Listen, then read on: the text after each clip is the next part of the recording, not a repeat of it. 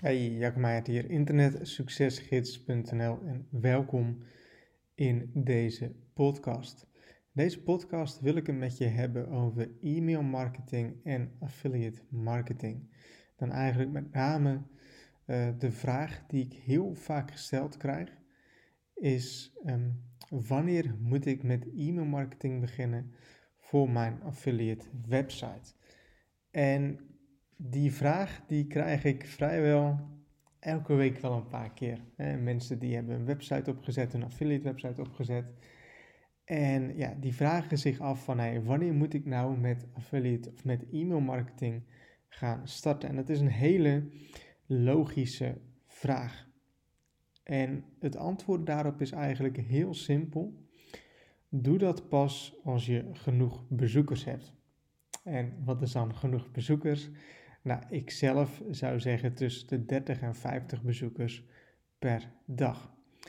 En de reden daarvoor is, is als jij pas een nieuwe website hebt en je hebt gewoon nog geen bezoekers of je hebt nog heel weinig bezoekers, dan heeft het gewoon geen zin om met e-mailmarketing aan de slag te gaan. Omdat ja, er is niemand die zich gaat aanmelden voor jouw mailinglijst.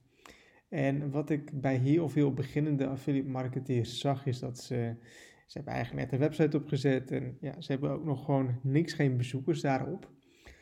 Um, en ze gaan zich volledig focussen op e-mailmarketing en op opt-in formulieren. Zodat mensen zich kunnen aanmelden voor een mailinglijst. En ik snap wel dat mensen dat willen, alleen het heeft nog geen zin, want je hebt nog geen bezoekers. Dus Focus jezelf eerst op het krijgen van bezoekers. En als je dat hebt, ga dan bezig met e-mail marketing. Omdat je dan die bezoekers die je hebt, die kun je naar je e-maillijst gaan ja, krijgen, om het, uh, om het uh, zo maar te zeggen. En als je nog geen bezoekers hebt, heeft het nog geen zin. Dus doe dat dus echt pas als je 30 tot 50 bezoekers ongeveer per dag hebt. Ga dan jezelf richten op hoe kan ik nou een opt-in formulier op mijn website zetten? Hoe kan ik ervoor zorgen dat ik dus mensen naar mijn mailinglijst toe krijg? Nou, hoe pas je dan affiliate of hoe pas je dan e-mail marketing toe? Nou, het is natuurlijk heel erg verschillend van hey, um, wat voor product promoot je? Ehm, heb je je eigen product of doe je het onder je eigen naam of niet? Um, is eigenlijk van te veel factoren is dat afhankelijk.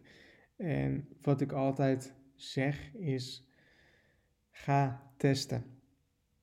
Test met een autoresponder, test met een e-mailreeks. Kijk wat werkt en wat werkt niet. Um, als ik een, een, nieuwe autoresponder opzet, of het nou voor Internet Succesgids is of dat het nou voor een affiliate website is, het is echt een kwestie van testen.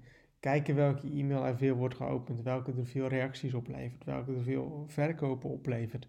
En ga zo gaandeweg verder met testen om te, ja, op die manier dus eigenlijk jouw uh, ideale autoresponder of mailingreeks uh, neer te gaan zetten. Op den duur weet je eigenlijk wat werkt voor jouw doelgroep. En nogmaals, dat is echt een kwestie van gewoon iets neerzetten, gewoon kijken wat werkt en op die manier dat gewoon verder gaan optimaliseren.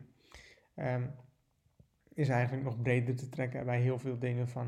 Het is bij heel veel dingen gewoon een kwestie van iets neerzetten en kijken of het werkt. Um, en wat dan werkt. En dat is dus met e-mail marketing ook zo. Uh, er is niet zoiets als een perfecte autoresponder of er is niet zoiets als een perfecte e-mailreeks uh, wat je naar je leads uh, verzendt als er een actie is of wat dan ook. Um, het is echt een kwestie van gewoon testen en blijven optimaliseren. Ik doe dat ook nog steeds. Ik doe het nog steeds voor Internet Succesgids, voor mijn affiliate websites. Ik ben continu aan het kijken van wat werkt er nou wel en wat werkt er nou niet. En op die manier ja, bouw je dus eigenlijk je ideale e-mail marketing funnel.